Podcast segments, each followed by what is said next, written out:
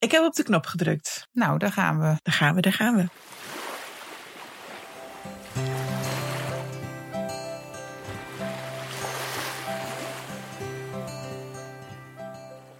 Welkom bij Verloskundig Baken, de podcast die een podium geeft aan innovatie en vernieuwing in de geboortezorg. Wij zijn Mirla Knol. En Kirsten Schatelier. En in deze aflevering hebben wij Kelly de Jong en Luca Metselaar te gast. En zij gaan ons helemaal bijpraten over duurzaamheid in de geboortezorg.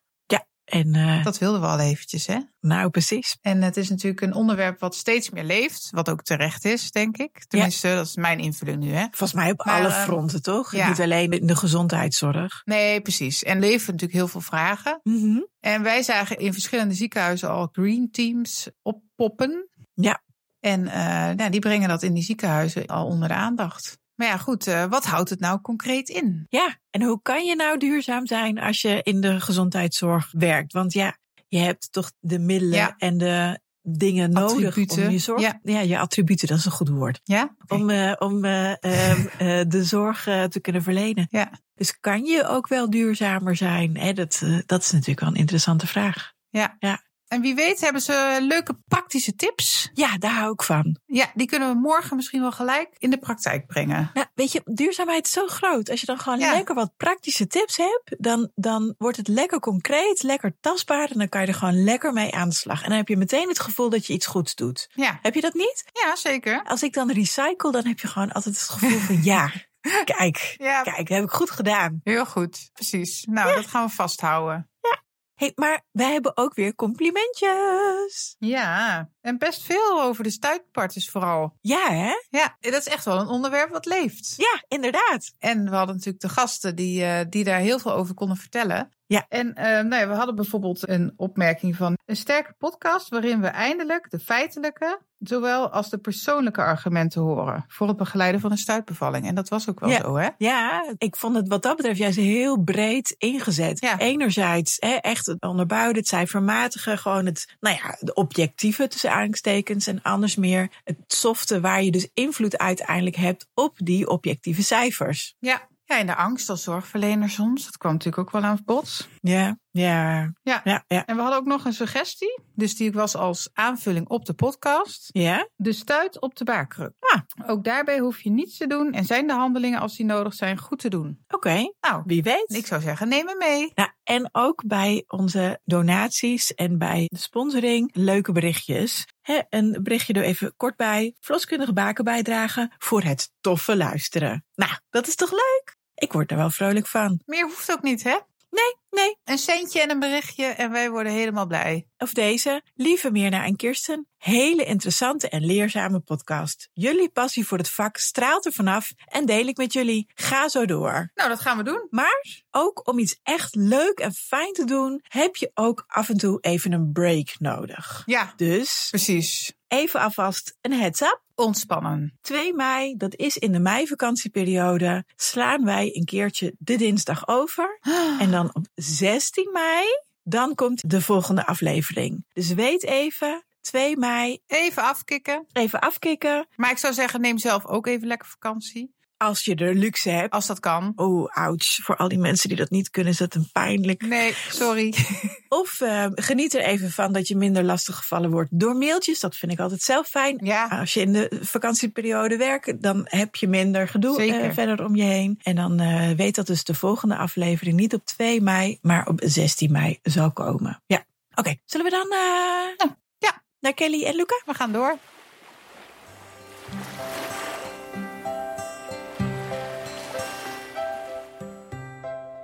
Nou, dan gaan we door naar het onderwerp van vandaag. Ja, leuk. En dat gaat over duurzaamheid Ja. in de geboortezorg. Kijk, duurzaamheid kan natuurlijk veel breder, maar wij pakken hem natuurlijk helemaal specifiek voor de geboortezorg. En we hebben twee gasten, Kelly de Jong en Luca Metselaar. En eh, zouden jullie jezelf voor willen stellen? Zeker. Leuk dat we hier eh, aanwezig mogen zijn en uitgenodigd zijn voor deze podcast. Mijn naam is Kelly de Jong. Ik ben eh ANIOS eh, en ik start binnenkort als AIOS, gynaecologie. Mhm. Ik heb de afgelopen vier jaar onder andere in Dordrecht en in het Erasmus MC gewerkt. En ik start binnenkort in het ICASIA. En Daarnaast doe ik ook de opleiding tot seksoloog. Maar daar hadden jullie eerder al een hele leuke podcast over. Dus daar zou ik niet te veel over uitweiden.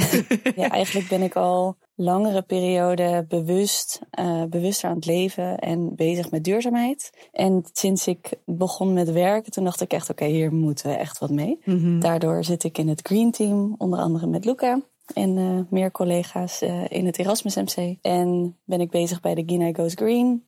Dat is de landelijke groep van uh, de gynaecologen die duurzaam belangrijk vinden. Mhm. En ook bij werkgroep Zorg 2025. Nou, mooi. Leuk. Ja, vind ik ook. ja.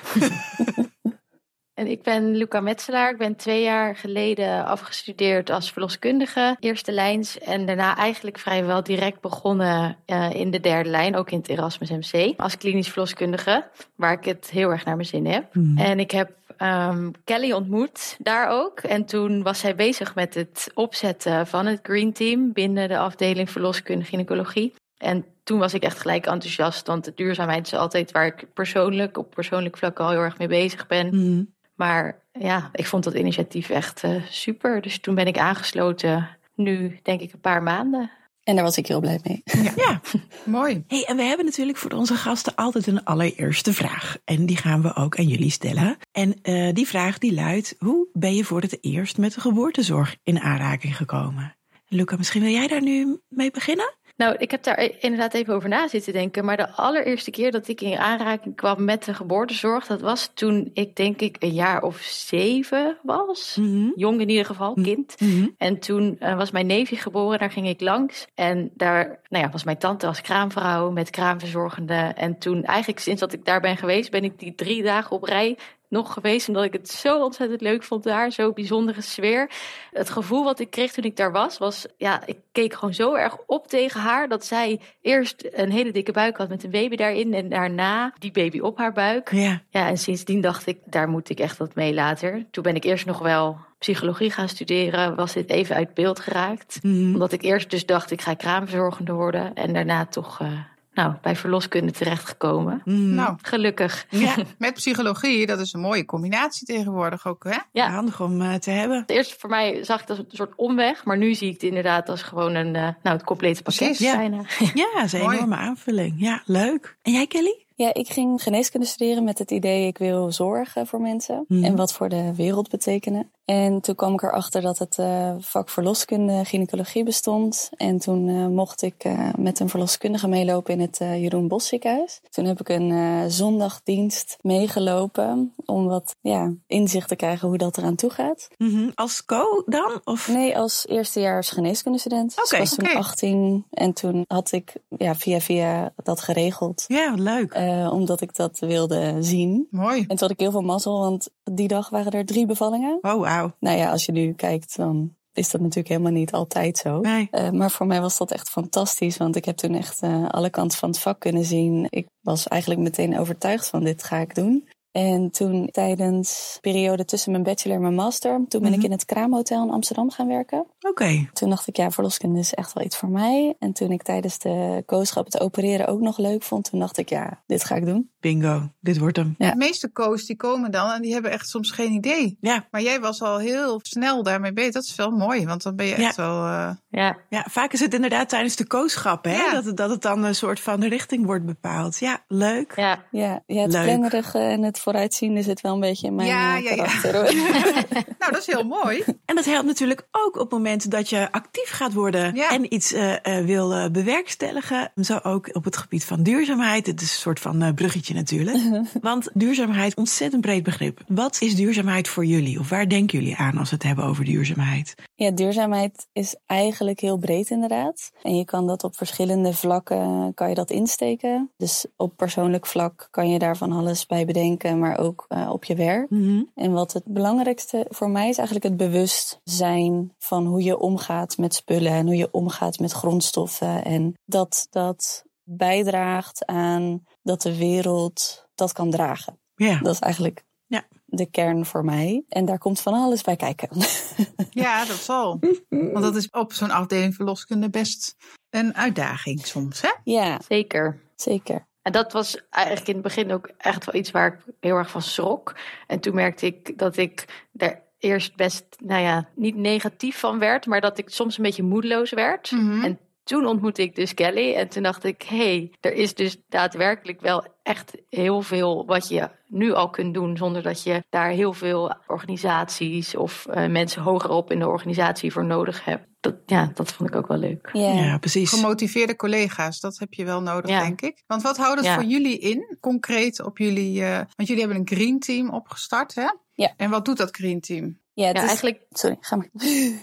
Ja, we zijn met veel verschillende dingen bezig. Er loopt bijvoorbeeld nu een onderzoek binnen de afdeling uh, verloskunde uh, in het Erasmus MC. En daarbij kijken we eigenlijk naar uh, hoe we ja, de, de footprint, dus de CO2-afdrukuitstoot, binnen de afdeling in kaart kunnen brengen. Daar weet Kelly wel meer over. Met natuurlijk als doel dan uiteindelijk om hem ook nou ja, te verlagen ja. dan wel te beperken. Mm -hmm. Nou ja, dat is één groot ding waar we mee bezig zijn. Maar daarnaast ja, zijn er ook veel kleine projecten. Gewoon op de afdeling. En het kan echt van heel klein zijn. Bijvoorbeeld het veranderen van de echogel. Want die wordt ook bij ons op de prenatale diagnostiek natuurlijk echt heel veel gebruikt. Ja. Wij zijn dat 2750 flesjes, las ik gisteren, per jaar. Oh, wow. Dus dat is wel echt heel erg veel. En in de eerste lijn gooi je die natuurlijk, tenminste dat is mijn ervaring, gooi je die niet weg, maar hervul je die. Precies. Dat mag van onze infectiepreventie eigenlijk niet, vanwege hygiënemaatregelen. Dus dat betekent Oh. dat je iedere keer, en ik denk nou dat ik zelf ook een fles per dag gebruik, dat je die dus weg moet gooien. Oh joh. Um, Dat wist ik dus niet. dat heeft dan iemand. Nee, ik ook niet. Dat soort kleine projecten pakken we dan op en Ja. dan gaan we uitzoeken wat zijn de alternatieven. Kunnen we er helemaal mee stoppen? Nou, dat gaat natuurlijk niet. We hebben wel echt gel nodig. Uh, en dan loop je weer tegen andere problemen aan. En dan ga je weer kijken op welke manier kan ik dat dan wel op een duurzamere manier Ja. nou, gaan gebruiken. En dan kwamen we dus bijvoorbeeld op dat er een ander soort eco-gel bestaat met een andere verpakking die duurzamer wordt gemaakt, waar je meer gel uit kunt knijpen als het ware. Dus een soort van ander materiaal. Mhm. Nou, dat is een van de kleine projecten die we dan binnen de afdeling eigenlijk aan het implementeren zijn. Nou, prachtig. Ik vind het nu al leuk. Ja, nee, precies. Maar en, en dan dus eigenlijk, ik denk dat we in de loop van deze aflevering steeds, zeg maar, punten gaan krijgen Ja. waarop het meer concreet wordt, Ja. meer lekker pakbaar wordt. Van goh, waar hebben we het dan over? En dan is duurzaamheid dus die CO2-footprint verkleinen, afval verkleinen. Ehm, eh, Ja, je hebt eigenlijk, als je kijkt naar duurzaamheid in de zorg, heb je een paar thema's waar je op kan ingrijpen. mhm. Afval is de meest zichtbare, meest Ja. bekende. En Ja. dat eh, is vaak ook heel helpend om bewustwording te creëren. Mhm. Eh, dus daar soorten helpen dit soort kleine projecten heel erg mee. Andere kant heb je energie. Dus energie van de gebouwen, energie van eh, Ja, verwarming. verwarming, eh, de echoapparaten bijvoorbeeld ook, de apparatuur. Ja. Dan heb je vervoer. Dus hoe komt het personeel naar Hmm. nou ja, het ziekenhuis toe? Of hoe komen de patiënten of de cliënten naar je praktijk toe? Ja, komen die met de auto? Dat is ook uitstoot natuurlijk. ja, ja. Dan heb je voeding. Dus ja, plantaardig eten is de meest duurzame optie. ja. Is dat bij de patiënten, bij de cliënten of is dat bij het personeel? Mhm. En dan heb je nog medicatie. Ook. Eh, waarbij een groot onderdeel Ja. van de medicatie eh anesthesiemiddelen is. En dat zijn eigenlijk de grootste thema's waarop je dan eh, kan ingrijpen. Ja, ja, precies. Mooi. En overkoepelend denk ik ook wat we als Green Team heel erg proberen uit te dragen, is die bewustwording. eh, dat het er is en dat het echt een groot, ja, grote impact heeft. Mhm. Ik weet niet of die cijfers al echt bekend zijn, maar als je kijkt naar de volledige CO2-uitstoot in Nederland, Ja, draagt de zorg daar voor 7% aan bij. wauw. Zeven, dat is best. Dat is echt veel, hè? Hey. Ja. Ja, en in, ja, en in vergelijking, dat is iets van 11 megaton. Als je dat vergelijkt met de luchtvaart, dat is 12,5 megaton. Ja, en iedereen roept ook, moet minder vliegen. Niet vliegen, ja. Ja. Oh. Maar ja, de zorg is daar echt gewoon bijna even groot vervuiler van eigenlijk. Terwijl Ja. dat heel tegenstrijdig is, want je maakt mensen beter. Ja. Maar doordat je zo'n negatieve impact hebt op het klimaat, maak je mensen ook weer ziek. Ja. Ja. Want Ja, alle gevolgen zeker. van het klimaat eh, dragen bij aan de ziektelast. Ja, En als je dan kijkt naar dat onderzoek, hè, wat, wat Luca noemde, Ja. eh, kun je daar iets meer over vertellen? Ja, zeker. Eh, binnenkort volgt het rapport. We hebben net nu een beetje alle ruwe data binnen. Dus dat zal binnenkort wat uitgebreider naar buiten gebracht worden. Maar een van de cijfers die daaruit is gekomen is dat bijvoorbeeld een standaard bevalling in het Erasmus MC ongeveer 5 kilo aan CO2 uitstoot is. En als je dat omrekent naar een jaar, is dat eh, bijna 20 ton CO2. En dat is een standaard bevalling. Dus zonder epiduraal, zonder OK of dergelijke complicaties. Ja. Oh, wauw. Ja. Het zijn ook alleen nog maar de materialen. Dus dan reken je niet mee de energie die, uh, die de kamer kost of het water wat gebruikt wordt. Uh, nee, dan begint dus meteen al je footprint als baby. Oh. Ja, Ja. ja. Oké. Okay. Ja, je hebt ook een heel mooi uh, kunstwerk. Ken je die foto? Ja, die foto. Ja, my uh, first little footprint. Ja. En dan zie je een heel schattig babytje met er omheen allemaal afval. Mm Ouch. ja, confronterend. En ook omdat je denkt, ja, dit zijn kinderen die nu geboren worden. Die wil je gewoon net zo'n mooie toekomst geven als wij dat hebben. En ja, daarom vind ik het zo belangrijk Ja. om hiermee bezig te zijn. Als wij het filmpje laten zien bij de overdracht, dan merk je eigenlijk dat een heel groot deel van de collega's daarvan onder de indruk is. En Ja. eigenlijk heel gemotiveerd is om iets te doen, maar vaak niet weten dat het mogelijk is, ook binnen zo'n grote organisatie, om op, Ja. ja. kleinschalig al zelf iets te doen. Nou, Je hebt natuurlijk gewoon weinig gevoel van invloed, kan ik me Mhm. voorstellen. Hé, je doet die bevalling, je mikt die matjes in de prullenbak. Ja. eh, je trekt die verpakking van het infuuszak open. Je, nou ja, puntje, puntje, puntje. En je denkt, ja, dit is gewoon hoe het aangeleverd wordt. Het is niet alsof ik beslis wat er ingekocht wordt qua spullen, om maar even zo te zeggen. Toch? Ik bedoel, Ja, Ja. dat klopt. Ja. nou ja, ook eh, of iemand wel of niet moet komen. Ja, iemand moet ergens een keer komen richting een ziekenhuis als ze weeën krijgen. Tenminste, als ze inderdaad in het ziekenhuis willen of moeten bevallen. Absoluut. Het, het, ja, ik bedoel, je zegt niet, kom maar op de fiets. Nee. Maar waar zit dan je invloed als zorgverlener? Is dat binnen zo'n green team specifiek? Of moet je dat ervoor hebben? Ik denk dat iedereen invloed kan hebben hierop. En ik denk dat stap 1 is bewustzijn van het probleem. En dat je dus niet. Uh, kijk, duurzame zorg is de passende zorg. Dus zorg die nodig is, moet gewoon geleverd worden. En als Ja. je matjes nodig hebt vanwege een fluxus, heb je die gewoon nodig. Ja. Het gaat er echt niet om dat je niks meer mag gebruiken. Maar let er dan op dat als je die matjes niet echt nodig hebt, dat je ze dan niet gebruikt. En dat je daar met elkaar op de werkvloer over praat. En dat scheelt echt heel veel materiaal als je daar mee bezig bent. Ja, Ja. Ik denk, Ja. als ik kijk even naar de eerste lijn. en Vrouwen krijgen zo'n doos thuis. we hebben er tien. Hè? Tien stuks. Tien. Ja, ik wou het zeggen. Daar hebben we het mee te doen. Tien matjes, daar moeten wij het mee doen. En dat redden we eigenlijk altijd prima. Ja. Ik heb Ja. nog wel eens, weet je, als je dan fluxus hebt, dan denk je wel, oeh, je hebt er wat in de auto liggen voor. Maar als het gewoon een gewone normale partus is, zonder gekkigheid, dan red je dat prima. Of pak je een handdoek. En ik denk dat, maar dat weet ik niet hoor, ik weet niet hoe jullie dat zien. Kijk, in een ziekenhuis is dat natuurlijk ook wel anders dan bijvoorbeeld in de eerste lijn. Als ik een polyklinische bevalling doe, eerlijk is eerlijk, Ja, dan denk ik dat ik meer dan tien matjes gebruik. ja, Ja, 100 procent. ja. Dat heeft er ook mee te maken dat het bed natuurlijk zo'n spleet heeft, waardoor Ja. ik ook eh, soms Ja. matjes verlies of zo.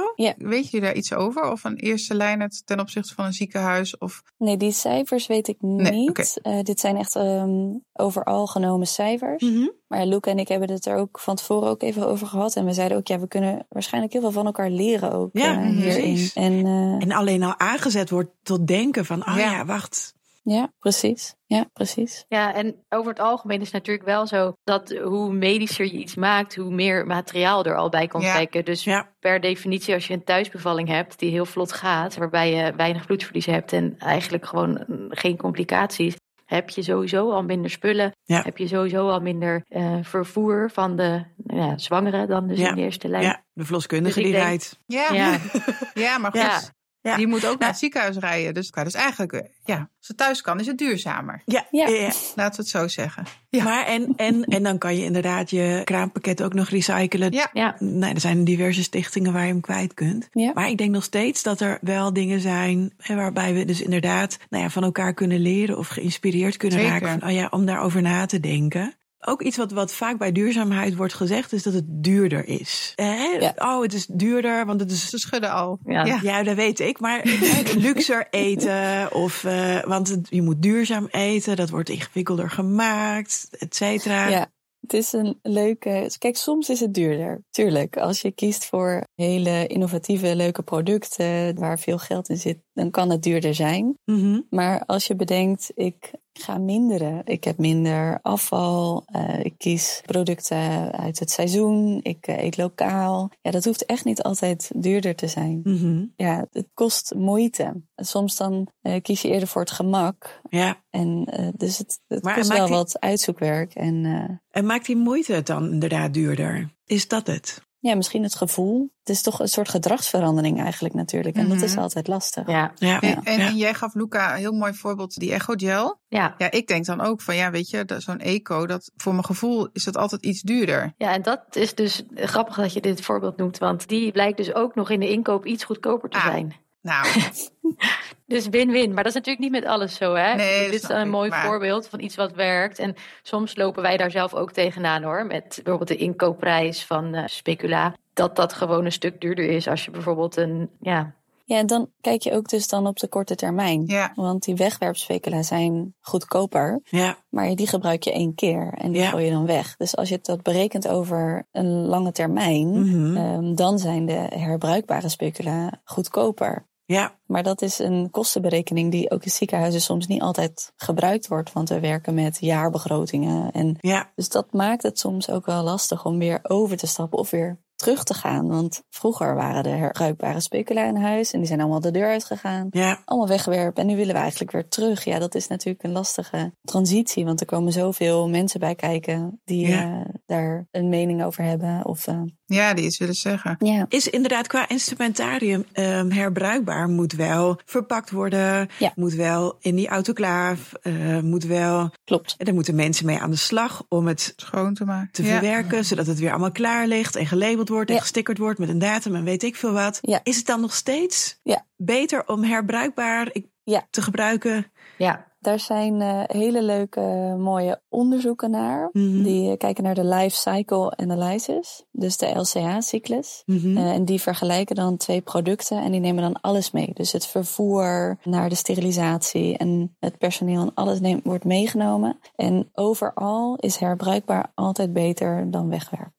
En dus ook bij, bij bijvoorbeeld wasgoed. Hè? Neem bijvoorbeeld, Ja. eh, je maakt een echo en je legt een handdoekje ehm, Ja. op iemands buik om de gel daarna mee weg te vegen. Ja. Een wasbare handdoek is eigenlijk altijd duurzamer. Want wij hebben namelijk bij ons een poging gedaan voor duurzame wegwerphanddoekjes die eh, biologisch afbreekbaar waren. Maar ook dan is het dus duurzamer om een wasbare handdoek te gebruiken. Ja, overal wel. Dus niet van alle producten zal zo'n hele eh, wetenschappelijke LCA gedaan zijn. Mhm. Maar de onderzoeken die nu allemaal naar voren komen, laat dat eigenlijk wel zien. En dat komt door het gebruik van de grondstoffen. Ja. En het produceren van zo'n product. eh, dan moeten er veel grondstoffen zijn nodig, maar ook veel water om zo'n product te maken. Ja. En als je dat meeneemt, dan is herbruikbaar bijna altijd beter. Oké. ja, precies, precies. Hey, en jij geeft nu al allemaal tips. Hè? Jullie geven tips. Jullie zijn in jullie ziekenhuis heel druk daarmee geweest. Dus wij zagen ook her en der op LinkedIn natuurlijk dat andere ziekenhuizen ook een green team hebben. Is het iets wat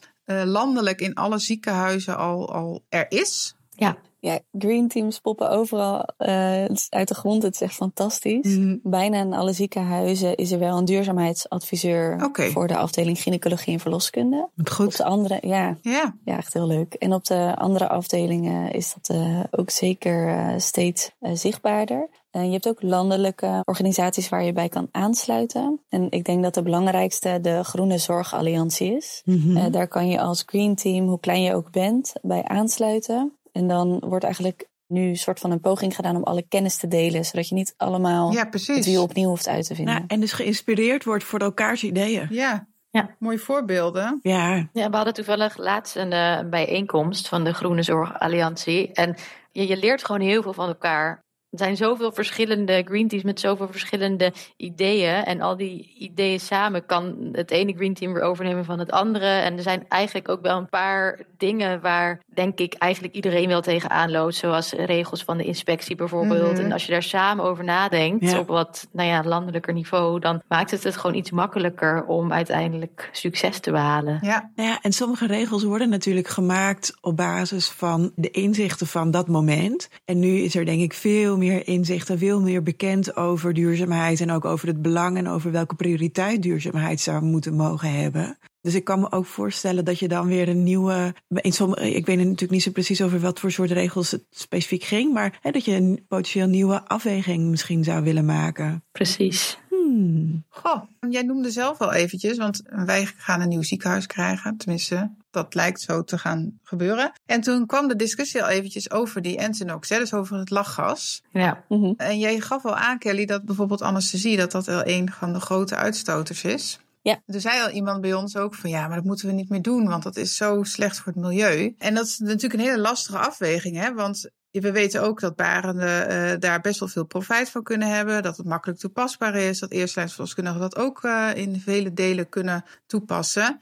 Maar we weten ook dat het slecht is voor het milieu. Dus dat vind ik best een lastige afweging. En uiteindelijk kies je dan voor iets. Maar dat zal met sommige dingen nog wel ook zo zijn, denk ik. Hè? Uh, hoe vervuilend is Entonox? Laten we, weten we dat? Ja, ja. ja. 1 kilo lachgas Entonox is uh, 289 kilo CO2. Oh, en, maar, en hoeveel kilo Entonox gebruik je bij, gemiddeld bij een baring? Ik heb dat uitgezocht, ah. want er is een onderzoek naar.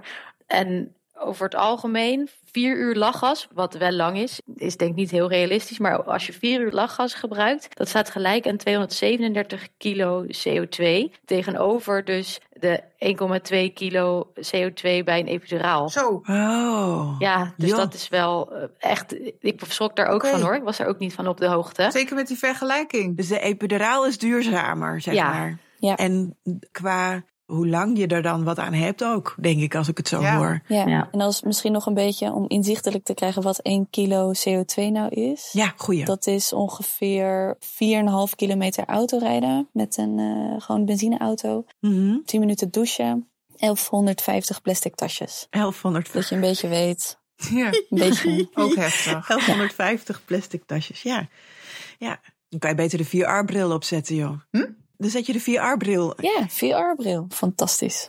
Nee, dat gaat ook gebeuren hoor. Dat klopt. Maar het zal best wel op sommige momenten een afweging zijn van hè, het belang van de patiënt-cliënt. Ja. Ik kan me voorstellen dat het voor jullie, hè, jullie zijn er zo mee bezig, dat het soms best even een lastige uh, keuze is. Hè? Van ja, wat zou het beste voor haar zijn uh, en wat doet het op het milieu? Hè? Klopt. Is het niet dan sowieso beter voor mensen als je duurzaam kiest? Want uiteindelijk moet dat kind toch Ja. heel lang met deze wereld doen. Ja, tuurlijk. Ja. Maar dat is op de lange termijn. Dus dat is altijd Ja. moeilijk. Ja, Ja, voelt oh. toch anders. Ik denk ook dat je je patiënt-cliënt ook hierin kan meenemen. Ja. Ik bedoel, Ja. we zijn niet de enige die met deze zorgen lopen. Mhm. Ja, ook onze patiënten en cliënten lopen hiermee. En ik denk als je ehm, merkt dat iemand daar behoefte aan heeft, eh, kan je dat ook meenemen in de counseling zelfs. Je hebt ook de klimaatdokter, is ook een eh, leuk. Ik zal trouwens allemaal eh, opsturen wat we hadden uitgezocht Ja, top. ja, ja. ja. voor Ja. de show notes. Ja, leuk. Ehm, die heeft ook een patiëntenfolder. Oh ja? Ja, Wat leuk. over duurzaam kiezen in de zorg. En heb je zelf keuzes daarin. En, eh, Wat dus leuk. die kan je ook daarin meenemen met die keuze. Het eerstvolgende argument voor iemand te zeggen... ja, nee, ik hoef niet langs te komen. Ik wil gewoon even bellen. Het is duurzamer. Ja. Dat is toch Precies. fantastisch? Ja, toch? Ja. Is wel zo uiteindelijk. Ja. En is het dan ook duurzamer als ziekenhuis? In onze regio zie je het ziekenhuis best wel wat posten zeg maar, op locatie. Hè? Dus dan heeft het zeg maar, het ziekenhuis zelf en dan heeft het eh, in een dorp verderop heeft het, zeg maar, een, een polykliniek. Is dat dan ook duurzamer? Of is het duurzamer om het in gewoon allemaal in één gebouw te proppen? Je hebt meer prijsafstand. Als je het in één gebouw propt, als het dichterbij mensen is, dan is het in dat opzicht minder eh, reizen. En je brengt misschien de dokter of de apparatuur of wat iemand dan ook maar nodig heeft van het ziekenhuis, breng je naar de mensen meer toe. Dus in dat opzicht is het natuurlijk zorg dichtbij. Maar dat, ja, is het wel weer een ander gebouw wat je moet verwarmen? Ik denk dat het vooral belangrijk is dat je hier allemaal rekening mee houdt. Ja, Dus Ja. dat als we mm, kijken naar zorg, dat niet alleen maar de kosten eh, op de agenda staat, maar ook wat is de meest duurzame optie. ja, Dat je dat tegen elkaar afweegt. Kijk, je hoeft echt niet altijd voor de meest duurzame optie te gaan als de andere beter is. ja. Ik vind het wel belangrijk dat we gewoon goede zorg leveren. Maar neem het mee in je overwegingen. Mhm. Eh, wees er bewust van. Want als we zo doorgaan, ja, hebben we dan nog wel een wereld zoals nu. Ja. Over 20, over 30, over 50 jaar. ja. Maar er moet wel iets veranderen. En ik vind het vooral heel fijn dat we dat op een positieve manier kunnen doen. Ja. Want Ja. wat Luca ook al aangaf, ik kan ook een beetje verdrinken in alle negatieve effecten. Maar daar kom je gewoon niet ver mee. En het is zo leuk om te merken dat iedereen er ook wat mee wil. Ik las laatst een stukje van een professor van de transitiekunde. Mhm. 20% van de Nederlanders die eh, leeft duurzaam of die streeft een duurzaam leven na. Wauw. En je hebt eh 25% nodig om een systeem te veranderen. Ja, Dus we hebben nog maar 5% van de bevolking nodig. en dan hoppa. Ja, deel het, praat erover. En merk je dat bijvoorbeeld zorgverzekeraars daar ook, want ik kan voor zo'n green team, ja, die heeft natuurlijk geen, hè, in zo'n ziekenhuis, dat doen andere mensen, al die contracten en dingen, maar Uh, weten jullie of bijvoorbeeld zorgverzekeraars daar ook veel meer mee bezig zijn? Of dat op een bepaalde manier, ja, belonen klinkt dan misschien wat gek, op sturen inderdaad? Ja, dat, dat is nog een lastig uh, punt inderdaad. Wat ik wel merk, dat hoe meer mensen op de werkvloer laten zien dat ze dit belangrijk vinden, mm -hmm. hoe meer het ook op de agenda gaat staan van mensen hogerop. Ja. ja. Uh, dus het werkt van twee kanten. Je hebt de mensen op de werkvloer nodig, want anders gaat het systeem niet veranderen. Mm -hmm. En je hebt de mensen van hogerop nodig die die geluiden horen ja. en ja, daar wat mee moeten. En dat is nu gaande. Dus dat is heel. Uh... Nou, en juist op de werkvloer kan je natuurlijk heel concreet zien van ja, wat kan er gebeuren? Er is dus eigenlijk in ieder ziekenhuis op het gebied van verloskunde wel een duurzaamheidspersoon die je zou kunnen benaderen. Ja. Als er nog geen green team is, zet het op. Dan ben jij gewoon de initiatiefnemer ja. bij ja, deze. Ja, de eerste. Altijd tof om op je cv te zetten dat je initiatiefnemer ergens van bent. En dan ga je op de werkvloer er met elkaar enthousiast over praten en mensen over enthousiasmeren. En dat lukt natuurlijk altijd het beste wanneer je een gigantisch probleem in kleine brokjes opdeelt. Want anders is het te daunting, zeg maar, hè, te indrukwekkend. Ja. Dan begin je over de Echo-gel, waar een uh, eco-friendly uh, variant van is, waarbij je er meer uh, gel uit kunt halen. Je hebt het over, joh, moeten we dat matje echt nog vervangen of kan die nog even mee? En wat zijn nog meer van die lekkere praktische succesjes die jullie gehaald hebben dan de afgelopen tijd? Moet ik even goed nadenken hoor, want hij zijn met best wel veel dingen bezig geweest. Kan je gewoon niet kiezen? Ja, nou ja, bij, bij ons is het dus ook in het scheiden van het afval en afvalverwerking. Dat gaat bij ons op dit moment gewoon heel erg goed. Mm -hmm. ja, dat heb je dan niet in de eerste lijn, maar het MBO-apparaat, daar zit altijd een soort ja, lampje bij waar een batterijtje in zit. En die werd nu gewoon bij het normale afval gegooid. Oh ja. Maar goed, een batterij in Zo. een normale prullenbak, dat is eigenlijk wel echt heel kwalijk. Ja. Ja. En ik deed dat zelf ook, per ongeluk. Nee, ja, Ja, zo gaat het dan. Maar ja. inderdaad, bewustwording. Toen hebben we gewoon een aparte batterijbank ge- geregeld. Ja. Zijn we naar de afvalverwerking binnen het Erasmus MC gegaan. En nou, dat loopt nu. Ja. Dus dat wordt nu gescheiden. Bam. We hebben onderzoeksbank, papier. Het was niet mogelijk om dat nu al helemaal eruit te halen of daarmee te stoppen. Mhm. Dat was nog iets te vroeg. Maar wat we nu doen is dat we ook dat papier scheiden. En dat doet eigenlijk iedereen heel braaf. Zelfs degene die eerst wat weerstand eh voelde. Wat minder gemotiveerd waren. Ja, ja, ja. Precies, ja, het is gewoon echt een gewoonte dingetje. Als je mensen gewoon zegt, oké, vanaf nu, dit is de rode bak. Hier gooien we het droog papier van de onderzoeksbank in. Dan is het even een week. mhm, en daarna gebeurt het gewoon. Ja. Nu weet men niet beter. Ja, mooi. Het gaat zo makkelijk. Ja. Dat was Ja. zo, ja. Dus zorg Mooi, voor ja. verschillende bakken. Ja. Kunnen wij natuurlijk ook doen, hè? Hebben wij. Plastic en papier. Ik zit bij een bevalling te denken. Oh. Als je zeg maar die emmertjes, zet gewoon nog een derde emmer eronder. Ja, en daar precies. stop je dan alleen papier in of zo. Ja, ja. Ja, maar wij doen bijvoorbeeld nu ook van die zakjes. Ja, dat is stom hoor. Maar die eh, van de autoklaaf, daar zit dus plastic en papier. Ja. ja. Die trekken wij nu gewoon uit elkaar. Eentje plastic, eentje papier. Ja, het is iets meer werk. ja, maar ja, Ja, goed. Het geeft wel voldoening. Ja, toch? het is heel raar. Maar het precies. geeft een beetje voldoening of Ja, zo. het voelt heel goed. Ja. Voelt goed om duurzaam te doen, mensen. Ja. Oké, nog Ja. een motivator om duurzaam te doen. Wat hebben Ja, we nog meer? Wat hebben we nog meer? Nog een kleine side note trouwens. Ja? Het is super goed om te recyclen, maar ehm, Oh, oh. ehm, niet gebruiken is altijd beter. Ja. Ja. precies. Ik denk, nou doen we iets helemaal verkeerd. Maar dat is goed. Ja. Nee, nee, nee. Nee, nee, nee. Nee. Zeker niet. Want je Nee. krijgt er nooit meer eenzelfde hoogwaardig product van terug. Ja. Dus er gaat altijd iets aan de grondstoffen verloren. Precies. Dus super goed om te recyclen, maar focus op. maar nog beter om niet te gebruiken. Ja, precies. Ja. precies. Ja. Mooie quote.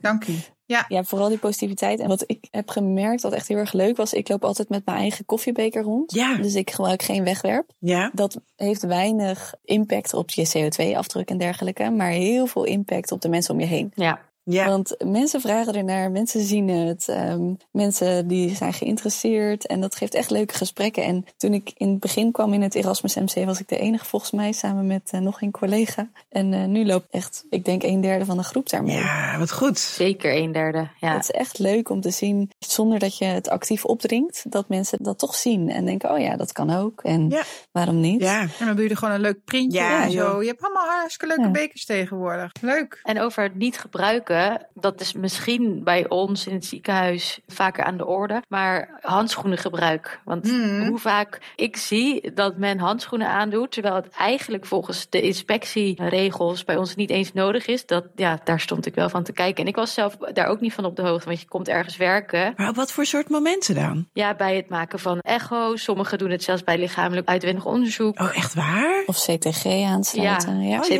ja. Ja, Maar dat Ja. komt ook een beetje, we komen natuurlijk uit een periode van Ja, COVID. en zeker. Eh, veel angst voor infectie. Dus het is super logisch Ja. dat, je, dat je wat extra voorzorgsmaatregelen neemt. ja. Maar als die niet efficiënt zijn en je daardoor heel veel onnodige handschoenen gebruikt, Ja. eh, is dat wel zonde en makkelijk aan te passen, inderdaad. Ja, wat Luca ja. ook zegt. Ja, en wat precies. al een groot effect heeft. Hè? Want ik denk dat ieder kleine aanpassing gewoon een groot effect heeft. En dat is eigenlijk het mooie. Ja. Ja. Nou, eigenlijk horen we al heel veel kleine positieve veranderingen die je dus op de werkvloer heel makkelijk kan toepassen. Ja. En je hebt natuurlijk niet alleen maar invloed op je werk, maar ook gewoon zelf in je persoonlijke leven. Neem dat mee. Ja. Kijk naar wat je koopt als consument of deel het ook thuis. Ja, en dan is je impact echt heel groot. ja, denk erover na waar je naartoe rijdt. Ja, er is een, eh, een website, mijnverborgenimpact.nl. Misschien kunnen we die ook delen. Dan Ja. kun je je eigen impact eh, berekenen. Uh-oh, uh-oh. ja. En het meeste zit in spullen. Ja. Spullen, oké. Ja, het meeste is in materiaal. En het is ook wel misschien een soort realisatie dat je als westers land veel meer impact maakt dan ja, sommige mensen wijzen naar derde wereldlanden, dat daar veel afval op straat en in het water ligt. Ja, Maar ja. dat dat toch ook wel veel. En houtvuurtjes. Ja, ja, maar dat als je het berekent, dat wij veel meer impact maken doordat we veel meer spullen hebben en eh, Ja. ja, veel meer kunnen. Ja. Dat wij ook heel veel nog kunnen verbeteren. Nou, precies. Daar gaan we voor. Ja. Toch? Ja. Daar wilden we deze podcast, want we wilden deze podcast eigenlijk al best wel heel lang maken. Ja. Maar het was steeds een beetje zoeken van hoe gaan we dat aanpakken. En ik denk dat we nu echt super mooie tips hebben gekregen. En dus eigenlijk heeft iedereen, zit het binnen iedereen's invloed hè, Ja. om er iets aan te doen. Ja, Hoe klein of hoe groot ook. Ik heb wel de neiging om uit te vogelen bij het ziekenhuis waar ik veel mee werk. Van goh, wie zit er dan in het green team? Ja, Wat kunnen we dan eh, ook eh, transmuraal erover verzinnen om elkaar precies. te inspireren als eh, keten? Ja. Ja. daar zie ik meerwaarde in. ja, en het is dus ook niet zo hè, van ja, ik ben maar alleen, dus het heeft weinig impact. Nee, want jij gaf echt super mooi aan, Kelly, Luca ook, van hoe klein je begint, de Ja. impact kan steeds groter worden. En we hebben een heel groot bereik, zeker als mensen in de geboortezorg. Ik bedoel, ze luisteren zo heel vaak naar ons. Misschien ook wel als we gewoon een klein beetje tips geven over duurzaamheid. Precies, en dat moeten we doen, Kirsten. Ja? Moeten we in ons achterhoofd houden de komende afleveringen. ja. Ja, en dat filmpje. En het is dus lead by example, dat is duidelijk, hè, met Kelly en de koffiebeker. Ja. Ja,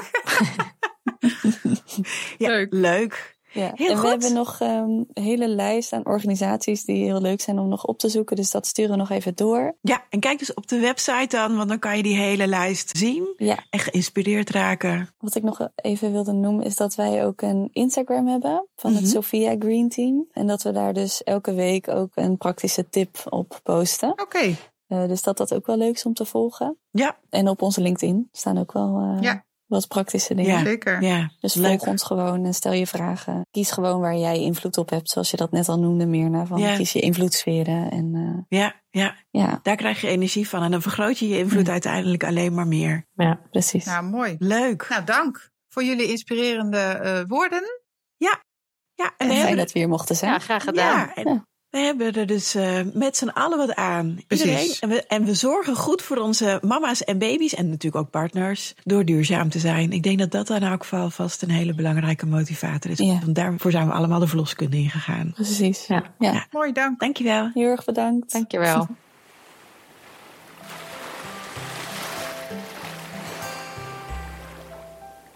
Nou, Leuk. dat was toch een hele concrete aflevering, zou je Nou. zeggen, hè? Echt wel. Mooie ideeën. Ja. Goede voorbeelden. Ja. Maar ook in het grote geheel. Dus Ja. eh, wat doen wij zelf en wat voor effect heeft het? Ik bedoel, dat is al gelijk, kwam al mooi aan het woord. Ook al denk je van, nou, ik ben alleen. Het kan. Ja, je bent dat puzzelstukje dat bijdraagt. Ja. En het waren hele concrete ideeën voor jezelf als persoonlijk Ja. en voor op je werk. Ja, nou, dus dat gaan we allemaal meenemen.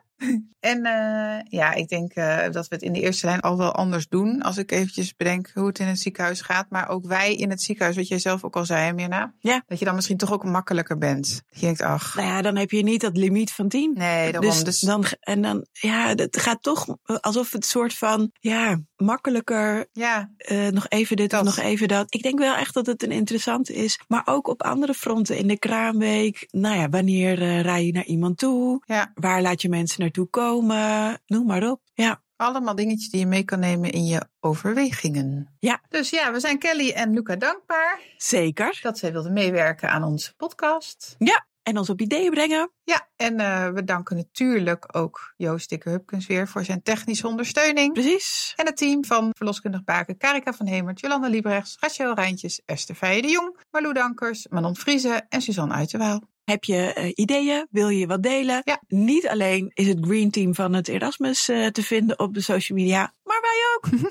dus um, dat wisten jullie nog niet. Nee hoor, grapje. Natuurlijk kun je ons daar vinden. Instagram, uh, Facebook, Twitter, LinkedIn. En natuurlijk op onze website kan je een reactie achterlaten. En we vinden het onwijs leuk om van jullie te horen. Ja. Dus um, laat vooral weten hoe of wat. Voel je niet te veel. Alles is leuk. Nee, alle reacties zijn welkom. Ja. En als je denkt, nou, die meiden moeten door, dan weten jullie inmiddels ook dat wij natuurlijk heel erg dankbaar zijn voor een financiële ondersteuning. En dat kan via de donatieknop op onze website. Je kan ons ook steunen via Petje Af. En daar zijn we heel blij mee. Zeker weten. Nou, bedankt. Dankjewel ja. voor het luisteren. Tot, Tot de volgende. volgende.